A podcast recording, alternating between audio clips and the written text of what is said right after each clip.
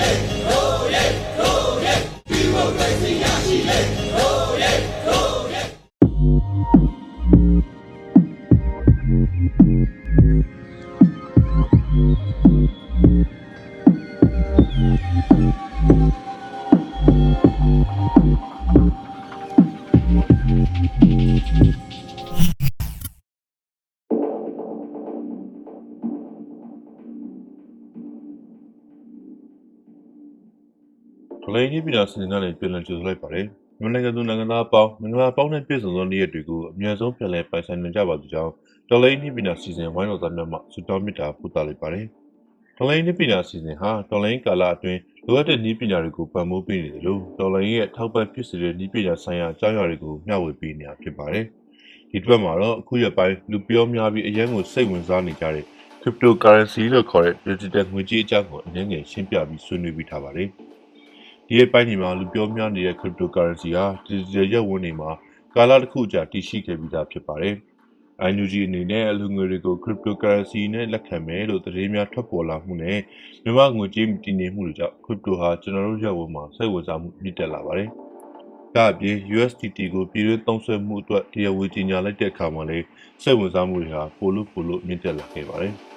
။ cryptocurrency ဟာတိုးဆုံးပြောရရင်တော့ digital ငွေကြေးစနစ်တစ်ခုပါ။ online ပေါ်ကကုန်စည်နဲ့ဝန်ဆောင်မှုတွေအရောင်းဝယ်လုပ်ခြင်းအတွက်ပေးချေမှုတွေပြုလုပ်ရမှာကျွန်တော်တို့လက်ရှိသုံးစွဲနေတဲ့ငွေကြေးစနစ်လိုမျိုးအသုံးပြုလို့ရတဲ့ digital ငွေကြေးပုံစံဖြစ်ပါတယ်။လက်ရှိအသုံးပြုနေတဲ့ငွေကြေးစနစ်တွေနဲ့မတူညီတဲ့အချက်ကတော့ cryptocurrency ကိုလက်နက်ကန်တွေထိတွေ့လို့ရမှာမဟုတ်ပါဘူး။ငွေစက်ကူမရှိဘူး၊ရွှေလိုတန်ဖိုးတစ်ခုလိုအခြေခံထားတာမျိုးမရှိဘူး။ဘဏ်လိုငွေကြေးအနှံလို့ရတဲ့နေရာတွေလည်းမရှိပါဘူး။ သူဟာ digital currency ဖြစ်တဲ့အတွက်သင်ရဲ့ပိုင်ဆိုင်မှုတွေဟာလည်း crypto ငွေကြေးကိုသိမ်းဆည်းထားနိုင်တဲ့ digital wallet တွေထဲမှာပဲသိမ်းထားနိုင်မှာဖြစ်ပါတယ်။ဒါဆိုရင်တော့ဒီ cryptocurrency ဟာဘယ်လိုလုပ်လို့တလဲဆိုတာမေးခွန်းထုတ်စရာပါပဲ။ cryptocurrency ဟာဗဟိုချုပ်ကိုင်မှုလုံးဝမရှိတဲ့ပုံစံနဲ့အလုပ်လုပ်ပါတယ်။သမားရိုးကျငွေကြေးစနစ်တစ်ခုမှာငွေကြေးပြောင်းလဲမှုတွေကိုဘဏ်တွေကနေတစ်ဆင့်ပြုလုပ်လို့ရှိပါတယ်။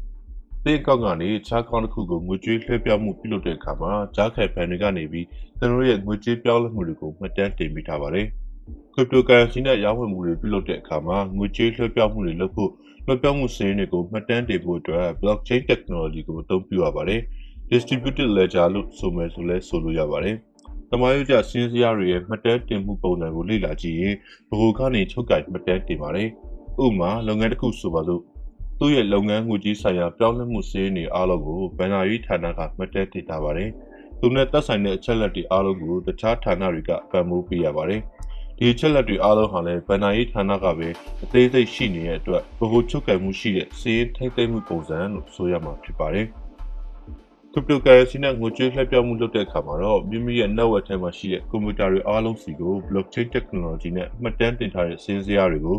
peer to peer ဖတ်ချက်ပေးလိုက်ပါတယ်။ ဒီလိုနည်းနဲ့ဘိုးချုပ်ကံမှု short ချထားတဲ့ငွေကြေးလည်ပတ်မှုပုံစံတွေကိုဖန်တီးပုံဖော်ပေးထားတာဖြစ်ပါတယ်။ဒါ့အပြင်စင်းစရာတွေဟာမြောင်များစွာသော copy တွေပြုလုပ်ထားတဲ့အတွက်ကြောင့်တစုံတစ်ဦးကမတမာတဲ့နည်းနဲ့ပြုပြင်မယ်ဆိုရင်ခက်ခဲသွားတဲ့အခြေအနေနဲ့ကိုလင်းမြင်သာမှုရှိတာတွေဟာ cryptocurrency ကို digital currency အဖြစ်ဆယ်စုနှစ်တစ်ခုကျော်ရပ်တည်လာစေတာပဲဖြစ်ပါတယ်။ပြီးတော့အစိုးရတွေရဲ့ထိန်းချုပ်မှုအောက်ကနေကင်းလွတ်ရှင်သန်နိုင်တာလေဒီအားသာချက်ကြောင့်ပါပဲ။ cryptocurrency တွေက coin စနစ်တစ်ခုဖြစ်တဲ့ Bitcoin ဟာလူသိအများဆုံးနဲ့လူသုံးအများဆုံးဖြစ်ပါတယ်။ Bitcoin ဟာတန်ဖိုးအတက်အကျမတည်ငြိမ်တဲ့ငွေကြေးစနစ်တစ်ခုလို့ပြောလို့ရပါတယ်။နိုင်ငံရေးဈေးကွက်အတက်အကျနဲ့တောင်းဆွဲသူတွေပေါ်မူတည်ပြီးတော့အတက်အကျရှိနိုင်ပါတယ်။ Elon Musk ရဲ့ Twitter မှာထွေလိုက်တဲ့ tweet တစ်ခုကြောင့်လည်း Bitcoin ရဲ့တန်ဖိုးဟာကျဆင်းသွားခဲ့ပူပါတယ်။ဒီလိုအတက်အကျများတဲ့ Bitcoin ကိုဆိုရင်အတက်အကျဖြစ်နေတဲ့အချိန်မှာပြန်လည်ရောင်းချတာတွေဝယ်ယူတာတွေနဲ့ငွေကြေးတစ်ခုအနေနဲ့ပေးချေတာတွေအတွက်သုံးချကြပါတယ်။ အဲ့လိုအတက်အကျများတဲ့အတွက်ပုံမှန်သုံးဆွဲတဲ့ငွေကြေးတစ်ခုလိုတက်သက်မှတ်တဲ့သုံးလို့မရမျိုးတွေရှိလာတဲ့အခါမှာတက်တက်တည်ငြိမ်တဲ့ coin မျိုးစားတွေလည်းရှိလာပါတယ်။ USDC တို့ USDT တို့ဆိုရင်တက်ကြငြိမ်တဲ့ digital ငွေကြေးအမျိုးအစားတွေဖြစ်ပါတယ်။ coin တစ်ခုအတွက်1ဒေါ်လာကိုဘဏ်တွေထဲမှာတင်ထားပြီးပြီးတည်ငြိမ်တဲ့ငွေကြေးအဖြစ်လူတွေသုံးလို့အဆင်ပြေအောင်လုပ်ပေးပါတယ်။အားလုံးကိုပတ်စံတွေနဲ့တင်ထားတာမျိုးတော့မဟုတ်ပဲရွှေတုံးတွေအနေနဲ့ပြောင်းလဲတာတခြားဈေးကွက်တွေမှာငွေကြေးမြှုပ်နှံထားတာမျိုးတွေလည်းရှိပါတယ်။တစ် ခုရှိတာကဒီတည်ငြိမ်တဲ့ coin မျိုးစားတွေကလည်း blockchain လို့လူတိုင်းစစ်ဆေးနိုင်ပေမဲ့လည်း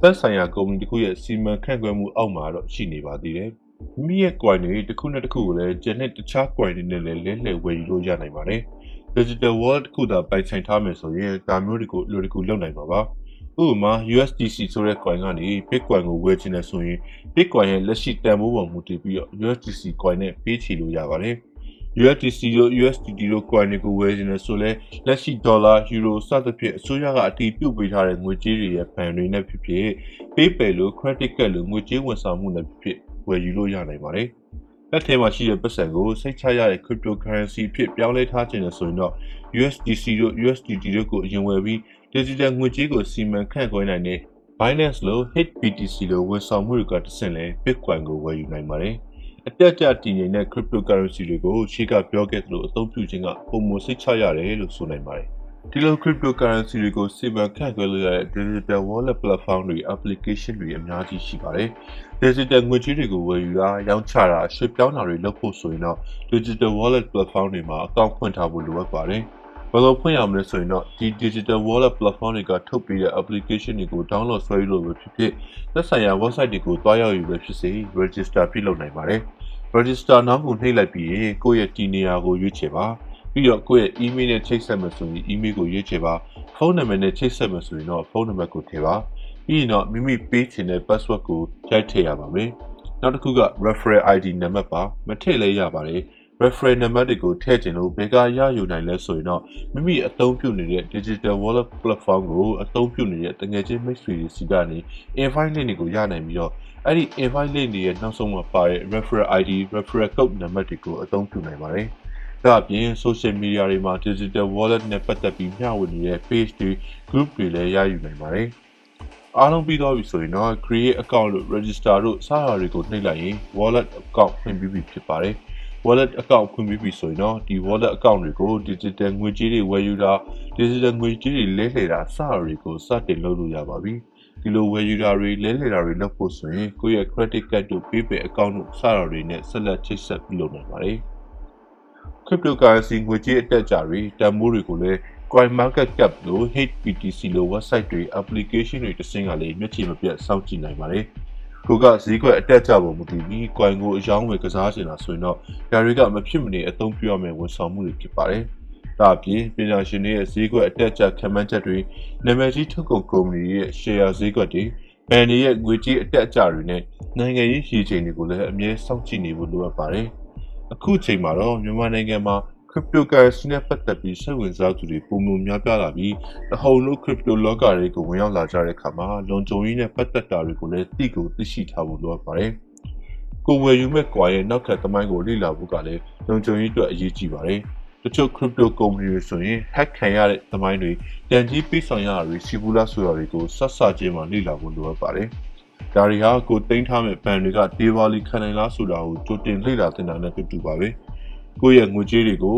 လုံခြုံတဲ့အဆင့်သတ်မှတ်ချက်တွေနဲ့ကာကွယ်ထားတဲ့ဝန်ဆောင်မှုမျိုးကိုပဲအသုံးပြုသင့်ပါတယ်။ Digital Wallet တွေကိုအသုံးပြုတဲ့အခါမှာကိုယ့်ရဲ့ crypto data တွေကို password စနစ်နဲ့ပြောင်းလဲသိမ်းပြီးထားတဲ့ wallet မျိုးတွေကိုပဲအသုံးပြုသင့်ပါတယ်။ account ဖွင့်တဲ့အခါမှာလည်း two factor authenticator လို့ခေါ်တဲ့နှစ်ဆင့်ခံလုံခြုံရေးစနစ်ကိုအသုံးပြုနိုင်မယ်ဆိုရင်တော့ပုံမကောင်းမှာပါတယ်။အဲ့ဒါမျိုးတွေကိုတီးခြားထောက်ပံ့ပြီးတဲ့ဝန်ဆောင်မှုတွေကိုလည်းအသုံးပြုနိုင်ပါတယ်။ ကိုယ့်ရဲ့ account ချက်လက်တွေဖြစ်တဲ့ user name နဲ့ password တွေကိုလည်းသေချာလုံခြုံစွာထိမ့်သိမ်းထားဖို့လိုအပ်ပါတယ်။အသုံးပြုသူများလာရင်အဲ့ဒီသူတွေကိုပြစ်မှတ်ထားပြီးတိုက်ခိုက်တာ account အချက်လက်တွေကို hack ဖို့ကြိုးစားတာမျိုးတွေများလာနိုင်ပါတယ်။ဒါတွေကိုကာကွယ်နိုင်မှုအတွက်တော့ public wifi တွေကိုအသုံးပြုတာမျိုးတွေ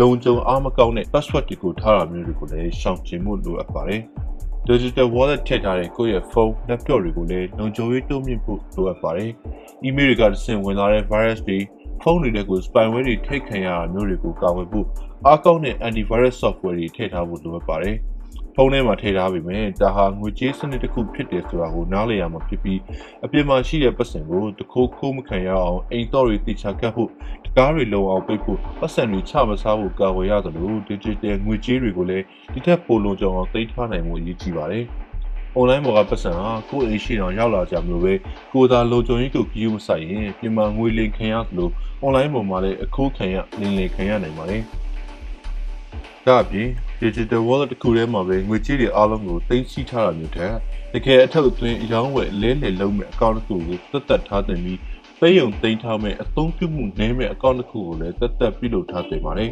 ။ဒါမှအကောင့်တစ်ခု hack ခံရတယ်ဆိုရင်တော့အကောင့်တစ်ခုကသေချာပေါက်ကျန်နိုင်မှာပါ။ လိုင်းကားပေါ်မှာကပိုင်းနိုင်ခံရမှာဆိုလို့ပတ်စံတွေကိုအိတ်တီတဲ့ခွဲထည့်ထားသလိုပါပဲ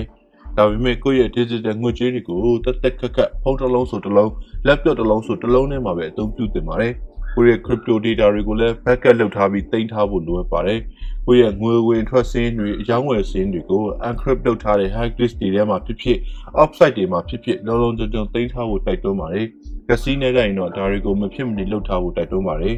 ခုမှ cryptocurrency လောကထဲဝင်ရောက်တော့မယ်ဆိုရင်လည်းဒီလိုလုံခြုံရေးအချက်အလက်တွေကိုထည့်သွင်းစဉ်းစားကြဖို့တိုက်တွန်းရင်းနဲ့နောက်ပတ်များမှာလည်းတော်လိုင်းနီးပညာစီစဉ်ကနေဘလို့အကြောင်းအရာတွေကိုဆက်လက်တင်ဆက်ပေးသွားအောင်လဲဆိုတာစောင့်မျှော်ကြည့်ရှုပေးကြပါဦးခင်ဗျာ